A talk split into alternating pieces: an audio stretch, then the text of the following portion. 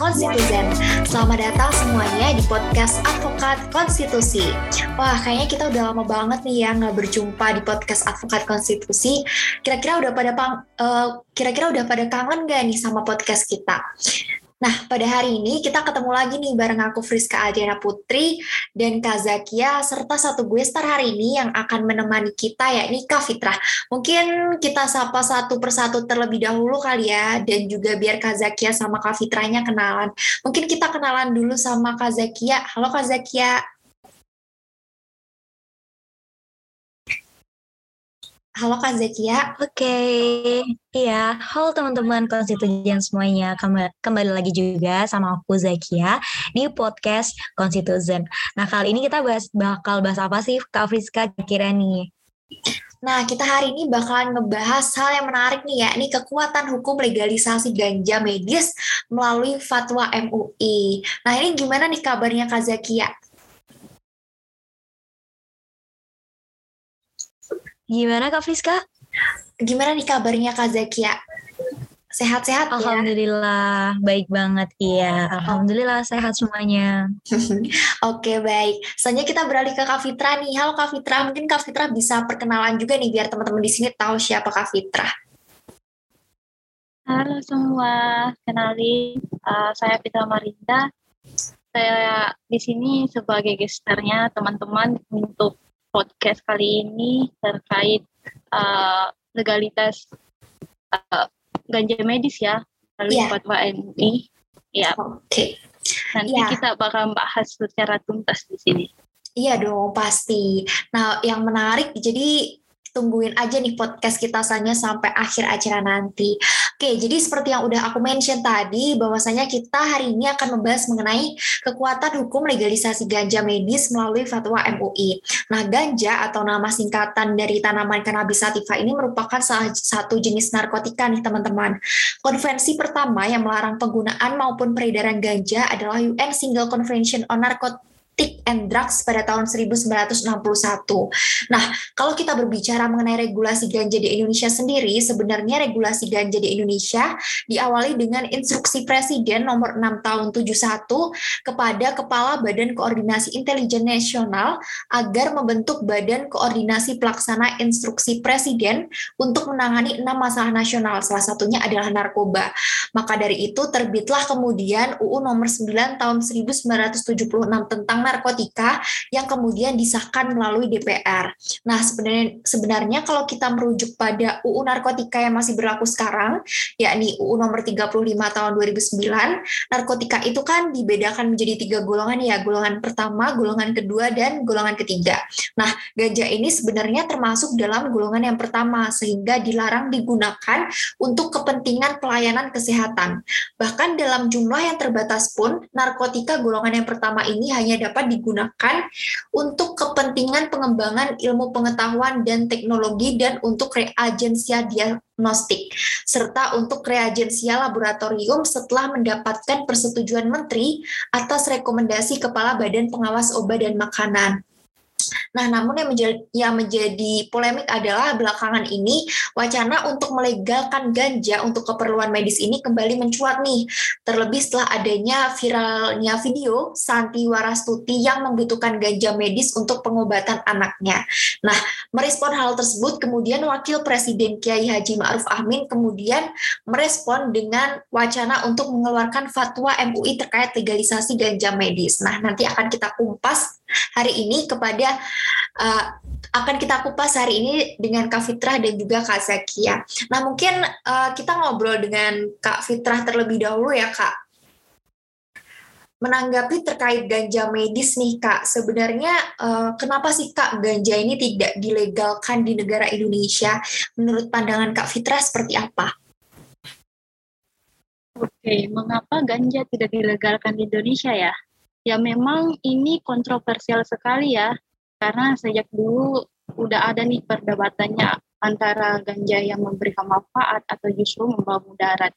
Jika kita lihat dari sudut pandang hukum positif di Indonesia, seperti yang dijelaskan tadi ya, ganja ini dikategorikan sebagai salah satu narkotika golongan satu berdasarkan Undang-Undang Nomor 35 Tahun 2009 tentang narkotika.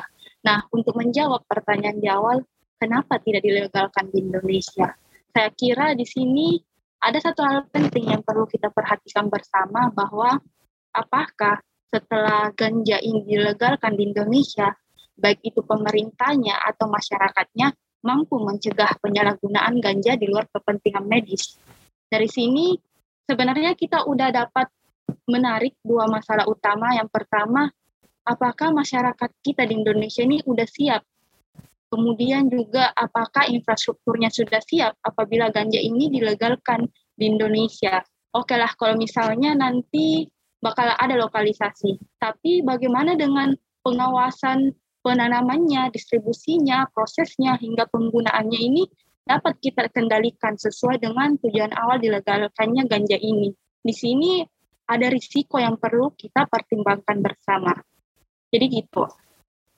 Oh, Oke, kalau uh, jadi kalau menurut Kak Fitra sendiri sebenarnya karena belum tentu juga pemerintah secara infrastruktur atau apa pun nanti mampu me, apa ya istilahnya me, apa ya istilahnya Kak untuk me, untuk mengurangi penyalahgunaan ganja seperti itu ya Kak. Oke, kalau yeah. Kalau dari Kazakia sendiri, menurut Kazakia seperti apa sih? Kenapa ganja ini dilegalkan di negara Indonesia? Mungkin Kazakia juga bisa ngasih tanggapan terkait hal ini. Ya, oke. Okay. Terima kasih. Tadi udah cukup di highlight sama Kak Fitra ya. Setidaknya ada beberapa alasan kenapa ganja ini tidak dilegalkan di Indonesia. Nah, alasan pertama yakni ganja itu masuk di golongan pertama yang secara yuridis di Undang-Undang Nomor 35 tahun 2009 2009 tentang narkotika itu emang untuk narkotika golongan pertama itu tidak diperbolehkan untuk kegiatan apa pun termasuk medis kecuali pengembangan ilmu pengetahuan dan teknologi kayak gitu. Sebenarnya legalisasi legalisasi ganja ini tuh menuai jalan panjang kayak gitu teman-teman konstitusi. Nah ganja sendiri tuh pertama kali digolongkan sebagai narkotika lewat peraturan VMO pada tahun 1927. Kemudian diperbarui dengan UU Narkotika nomor 9 tahun 1976. Sampai saat ini pun diperbarui lagi pada Undang-Undang nomor 35 tahun 2019. Dan kemarin narkotika ini juga diatur di Undang-Undang Cipta Kerja. Tapi kan Undang-Undang Cipta Kerja ini tuh dinyatakan in konstitusional bersyarat ya. Jadi kita masih merujuk pada Undang-Undang Nomor 35 Tahun 2019. Jadi sebenarnya nih letak kenapa sih Indonesia tuh nggak melegalkan ganja? Padahal kalau nanti ya sebenarnya ini bahasa nanti ya. Negara-negara lain tuh udah beberapa melegalkan. Nah setidaknya ada beberapa alasan. Pertama yakni BNN melansir banyak banget penyalahgunaan ganja terutama di tahun 2019 itu ada sekitar 65 juta penyalahgunaan ganja. Nah, kemudian kedua adalah letak geografis di Indonesia. Kita tahu ya, Aceh dan juga Manado itu tuh penghasil ganja, terutama di Aceh penghasil ganja terbesar gitu. Tapi ternyata secara letak geografis Indonesia, kita tuh apa ya nggak yang semudah itu gitu loh ganja itu bisa disebarluaskan di negara kita sendiri. Dan juga kita ini kan menganut paham Pancasila. Nah di Undang-Undang Dasar sendiri pun sudah dijelaskan di pembukaan UUD 1945 untuk melindungi segenap bangsa Indonesia dan untuk mensejahterakan umum berdasarkan Pancasila. Nah di sini ada beberapa subjek yang perlu kita bahas. Nah, pertama adalah apakah pelegalan ganja ini untuk medis itu tuh dapat berdampak untuk melindungi segenap bangsa Indonesia dan apakah juga menjawab kesejahteraan hukum. Sebenarnya kalau dalam pembentukan peraturan eh pembentukan pengaturan ya berdasarkan politik hukum untuk pelegalan suatu masalah hmm. itu kan nggak hanya kita lihat dari unsur kemanfaatannya gitu ya teman-teman, tapi juga setidaknya tuh kita lihat dari perubahan dari struktur masyarakatnya. Nah kayak misalkan nih, apakah misalkan ganja ini udah dilegalkan di Indonesia, udah sesuai dengan tujuan hukum itu sendiri, seperti yang dikatakan oleh Gustav Freiburg, bahwa tujuan hukum itu harus ada kepastian, keadilan, dan juga kemanfaatan. Nah, kalau sampai saat ini nih, yang kita tahu ya udah jadi rahasia umum, ganja ini nggak memberikan kemanfaatan secara spesifik. Oke, mungkin ada manfaatnya di dunia medis, tapi di dunia medis pun manfaat ganja ini tuh masih dipertimbangkan, masih ditimang-timang teman-teman semua. Apakah ganja ini tuh masih banyak manfaatnya atau justru mudaratnya kayak kata Kak Fitra itu tadi. Kayak gitu. Jadi pada intinya itu memang di Indonesia belum melegalkan ganja karena itu tadi mengingat filosofis kita sebagai negara Pancasila dan juga memperhatikan dampak-dampaknya ke masyarakat dan juga kultur hukum di negara kita. Mungkin itu sih dari aku Kak Friska. Oke, terima kasih. Jadi sebenarnya kalau uh, kita highlight dari apa yang tadi Kak Fitra sama Kak Zakia sampaikan, sebenarnya kenapa legalisasi ganja ini di Indonesia belum terjadi? Karena memang uh, manfaat dari ganja ini masih ditimang-timang kayak gitu ya Kak. Apalagi ditakutkan apabila dilegalkan itu nanti akan mempengaruhi penyalahgunaan uh, narkotika karena memang penya penyalahgunaan narkotika ini kan nantinya uh, efeknya itu sangat buruk sekali ya, terutama dalam kesehatan dan lain sebagainya. Oke, mungkin uh, segitu ya kalau ditanya alasan kenapa uh, ganja belum bisa dilegalkan hingga sekarang. Oke, iya. Nah, kemudian muncul pertanyaan lagi nih ya, Kak Friska dan juga Kak Fitrah. Baru-baru ini tuh kita ada muncul isu viral, yakni mengenai legalisasi ganja di bidang medis.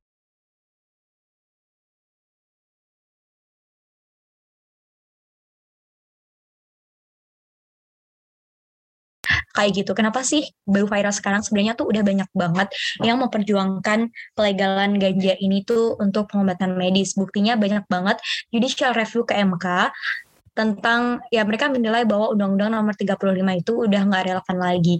Nah sekarang kita coba bahas deh ya dari isu apa namanya legalisasi medis ini. Apakah ketika ganja ini dikatakan urgent atau dibutuhkan secara medis untuk menjawab untuk memenuhi hak pelayanan kesehatan bagi, bagi masyarakat berkaitan dengan kemanusiaan, apakah lantas bisa dilegalisasikan kayak gitu? Nah mungkin sebelum bergerak ke Kak Fitrah nih, aku mau ngasih sedikit pandangan ya.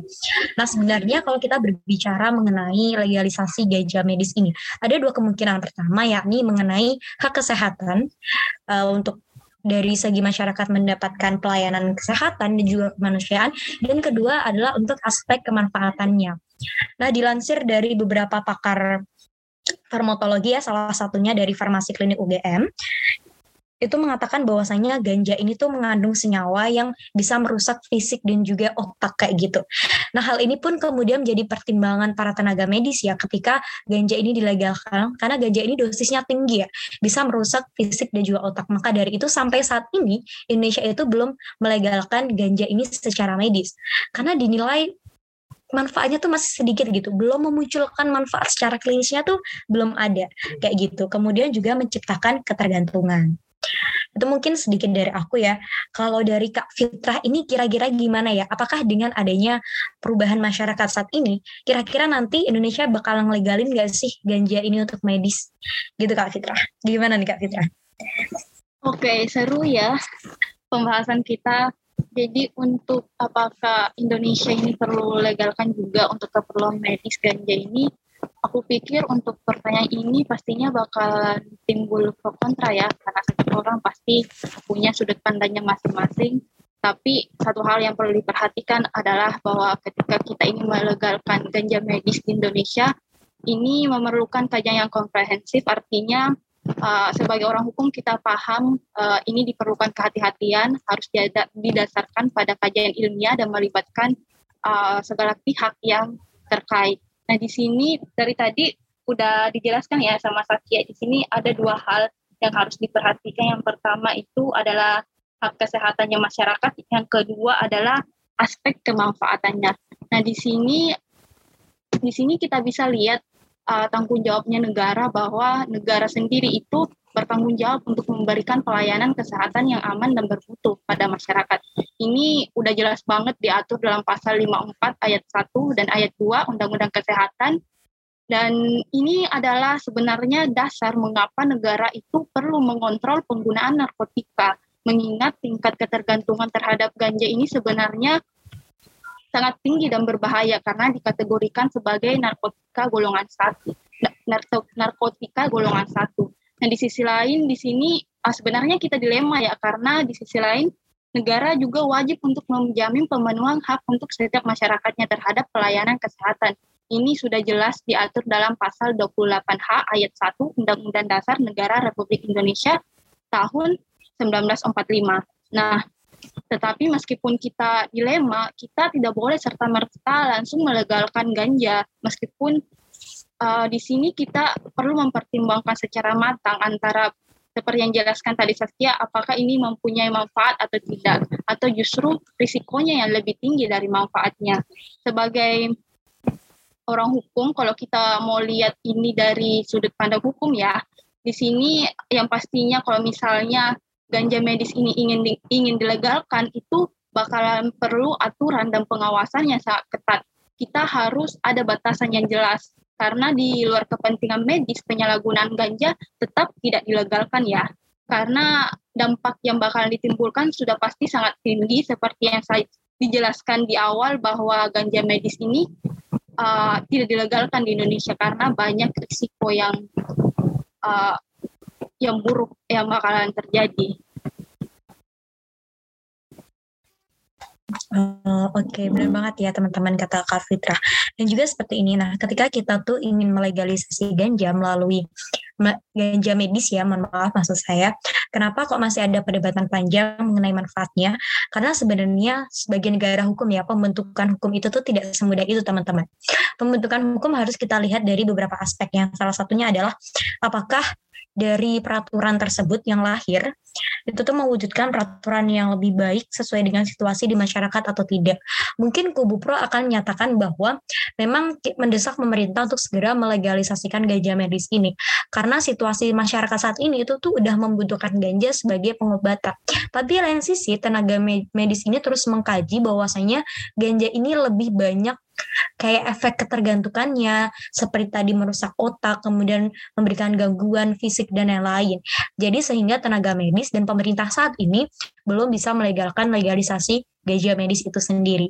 Kayak gitu teman-teman. Jadi sebaiknya nih kita sebagai orang hukum ya Kak Fitra dan Kak Friska memandang semua hal ini dari dua sisi. Kayak kita tuh nggak boleh hanya memperhatikan sisi manfaatnya tapi kita juga harus melihat kepastian hukum dan juga keadilan hukumnya. Kayak gitu teman-teman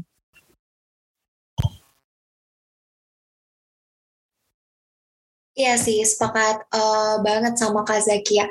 Nah, uh, kemudian selanjutnya uh, dari perbincangan tadi, sebenarnya kan kita nggak bisa ya serta merta untuk uh, melegalkan ganja seperti itu karena memang masih uh, ada perdebatan panjang.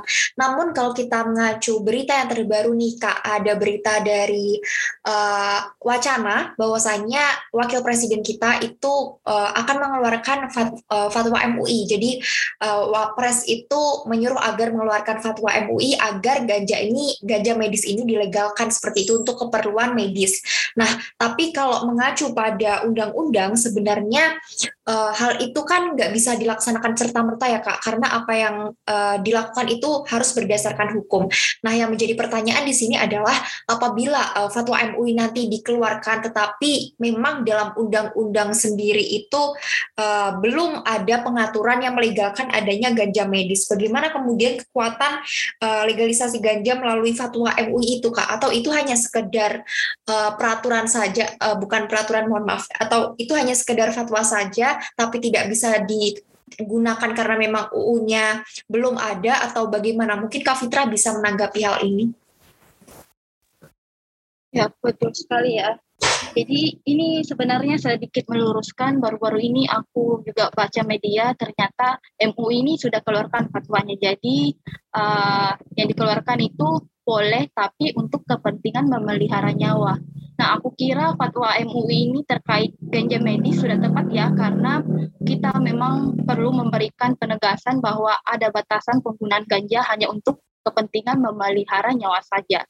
Jangan sampai disalah tafsirkan bahwa ganja ini halal sepenuhnya, apalagi Indonesia ini masyarakatnya umat muslim ya, eh, mayoritas. Namun untuk kekuatan hukum legalisasi ganja medis ini melalui fatwa MUI, apakah itu mengikat atau tidak, Nah, itu seperti yang dijelaskan Friska tadi, tidak boleh langsung uh, serta-merta karena ini isunya harus melalui proses pembahasan dalam program legislasi nasional terlebih dahulu, kemudian ditetapkan dalam undang-undang. Jadi kalau mau uh, mempunyai kekuatan hukum uh, atau mengikat itu harus melalui proses legislasi terlebih dahulu dan ditetapkan sebagai undang-undang.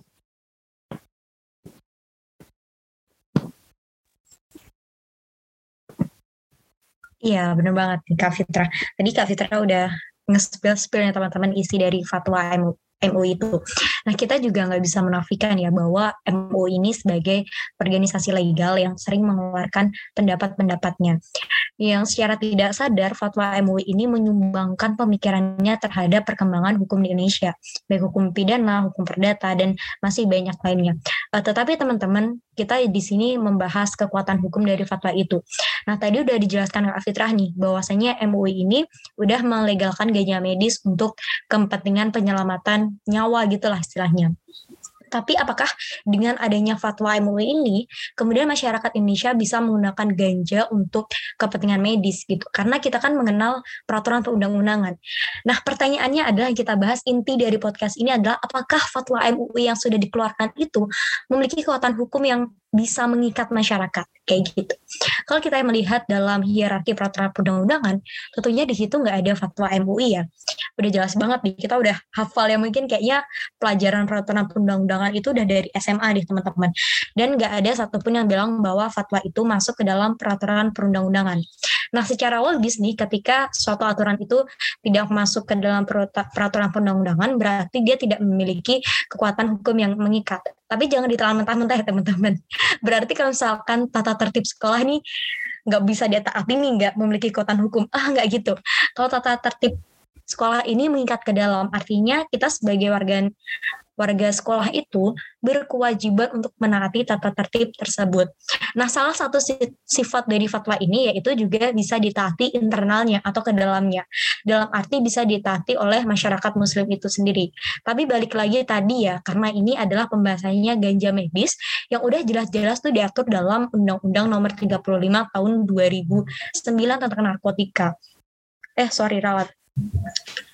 Uh, karena apa ya kayak gini nih misalkan nih masyarakat kemudian bilang bahwa boleh kok MUI udah ngeluarin fatwa, tapi kan di Undang-Undang Nomor 35 itu udah dijelaskan bahwasannya penggunaan ganja ini, terutama golongan ganja kan masuk golongan satu itu tidak diperbolehkan teman-teman. Kita bisa melihat di pasal 116 sorry, mulai dari pasal 111 mengenai ketentuan pidana, di situ udah diatur semuanya ya. Uh, setiap orang yang tanpa hak atau melawan hukum menanam, memelihara, memiliki, menyimpan, menguasai atau menyediakan narkotika golongan satu dalam bentuk tanaman dipidana dengan pidana penjara paling singkat 4 tahun dan paling lama 12 tahun dan pidana denda paling sedikit 800 juta rupiah dan paling banyak 8 miliar rupiah. Dan juga di situ juga ke bawahnya ada banyak banget teman-teman bisa baca di Undang-Undang Nomor 35 mengenai tindakan pidana atau ancaman pidana ketika kita ini memaksakan untuk menggunakan ganja ini karena ganja ini golongan pertama dan jelas-jelas di undang-undang tersebut pun dijelaskan hanya boleh digunakan untuk pengembangan ilmu pengetahuan dan juga teknologi gitu. Jadi dengan keluarnya fatwa tersebut teman-teman nggak menjadi nggak mengubah situasi bahwasanya ganja medis ini tuh diperbolehkan karena fatwa MUI itu bersifat tidak memiliki kekuatan hukum.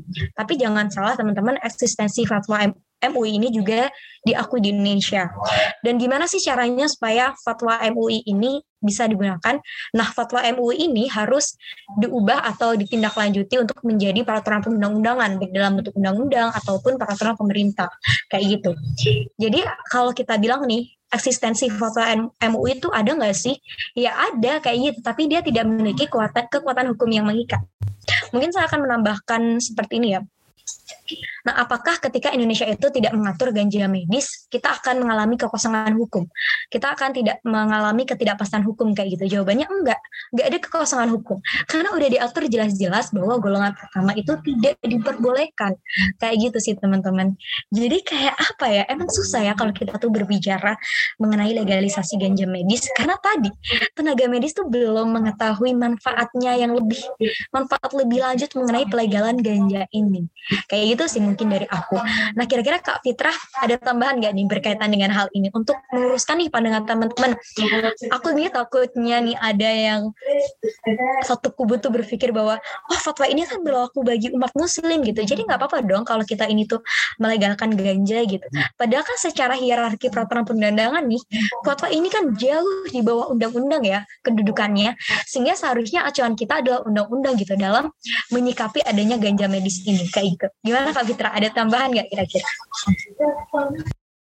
Oh ya, untuk tambahannya anggap aja fatwa MUI ini seperti pendapat hukum legal opinion. Jadi itu sebenarnya bisa digunakan ya itu punya kekuatan kekuatan bukan kekuatan sih itu memang mengikat ya mengikat untuk umat muslim tetapi untuk kekuatan hukumnya apakah itu atau tidak seperti yang dijelaskan tadi oleh oleh Sakia ini perlu melalui, dijadikan dalam bentuk undang-undang terlebih dahulu karena untuk fatwa MUI itu um, seperti yang dijelaskan juga tadi bahwa ini tidak ada dalam hierarki perundang-undangannya kita.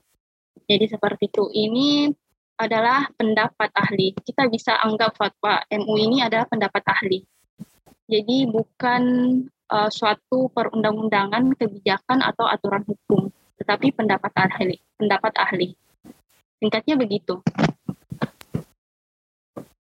Iya, benar banget. Sebelum kita ke pertanyaan keempat nih, kita highlight lagi ya teman-teman bahwa fatwa para MUI ini bisa dijadikan sebagai salah satu sumber rujukan gitu yang kedudukannya baru sebatas hukum aspiratif. Dia ini dapat menjelma menjadi hukum positif apabila telah diundangkan dalam aturan perundang-undangan atau diputuskan dalam putusan pengadilan yang berkekuatan hukum tetap. Kayak gitu ya teman-teman. Nah, tadi kita udah bahas nih mengenai jalannya panjang pelegalisasian ganja medis ini.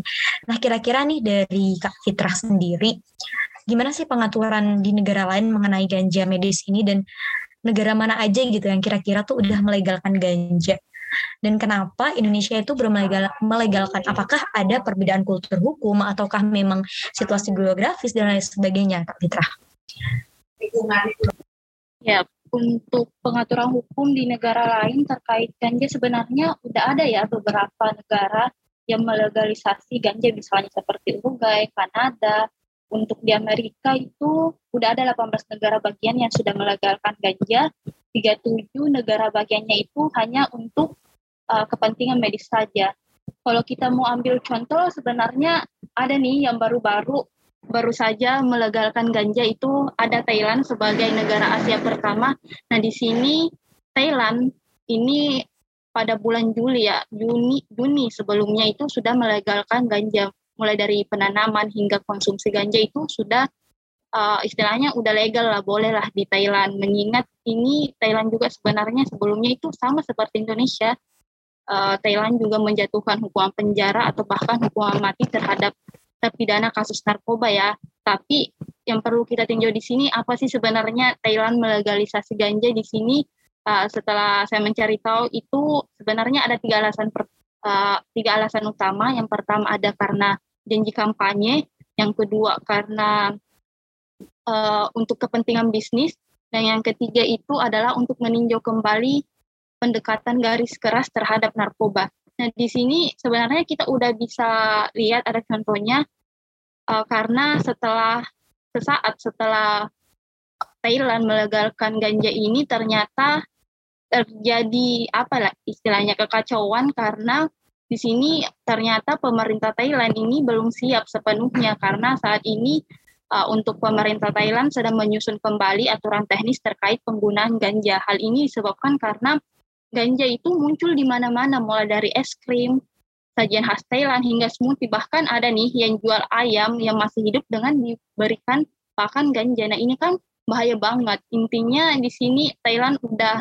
tidak terkendali sesaat setelah uh, ganja ini dilegalkan bahkan secara resmi pemerintah Thailand ini sudah merujuk pada penggunaan uh, ganja sebenarnya itu untuk keperluan medis bukan uh, rekreasional. Nah, di sini saya pikir uh, di, untuk penggunaan ganja ini apakah uh, dilegalkan atau tidak ini perlu dipikirkan kembali pada kesiapan masing-masing negara karena cocok diterapkan di negara lain belum tentu cocok diterapkan di Indonesia. Saya pikir itu adalah jawaban yang paling apa ya singkat padat dan jelas. Oke okay, terkait pengaturan hukum ya di negara lain gimana sih? Sebenarnya udah ada ya beberapa negara yang melegalisasi ganja misalnya seperti di Uruguay, Kanada, di Amerika. Sebenarnya juga udah 18 negara itu udah melegal 18 negara bagiannya itu udah melegalkan ganja bahkan uh, untuk tiga tujuh negara bagian lainnya itu melegalkan ganja hanya untuk kepentingan medis saja.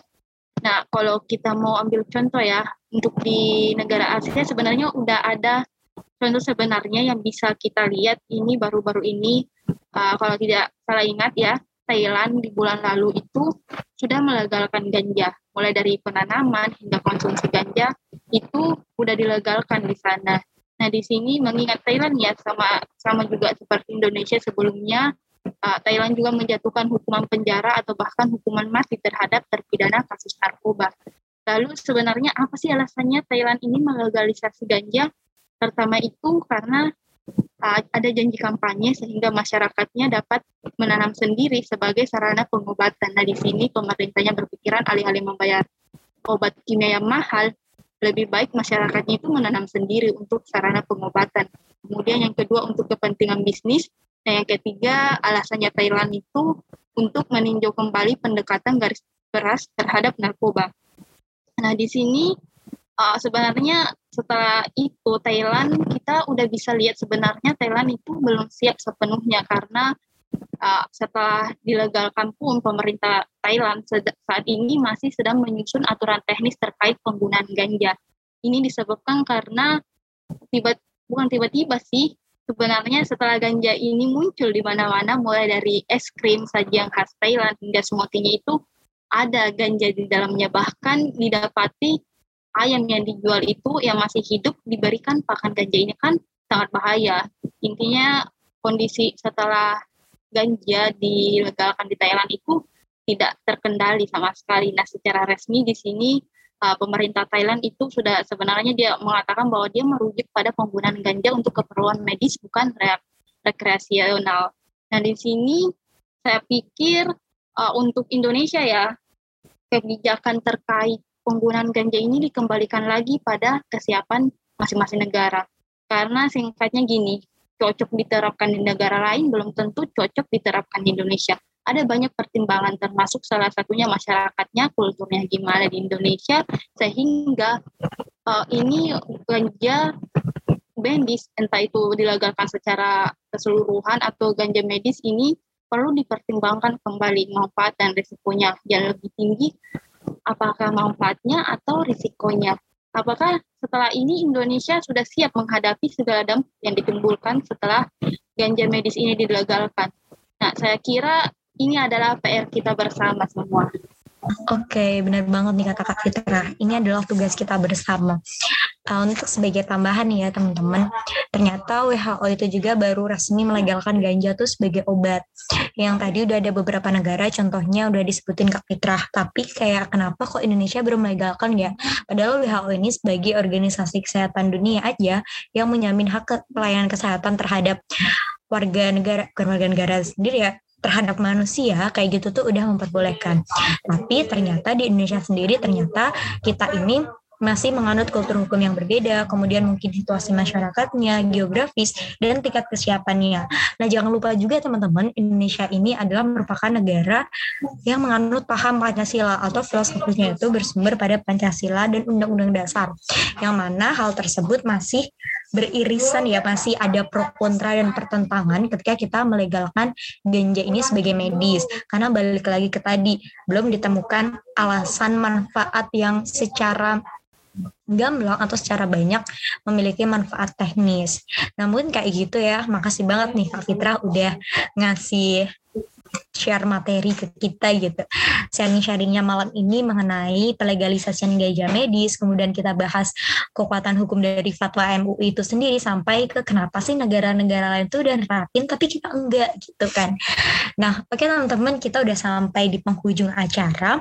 Tadi Kak Fitra juga udah nyampaikan sedikit penutupnya ya bahwa kita harus memikirkan baik-baik berbagai sisinya nih sebelum kita melegalisasikan ganja ini sebagai untuk pengobatan medis kayak gitu. Nah mungkin penutup dan closing statement dari kami kayak gitu bahwasanya meskipun fatwa MUI ini tidak memiliki kekuatan hukum yang mengikat, terutama pada pelegalan ganja medis, tapi tidak serta tidak serta merta eksistensi fatwa MUI ini tidak diakui.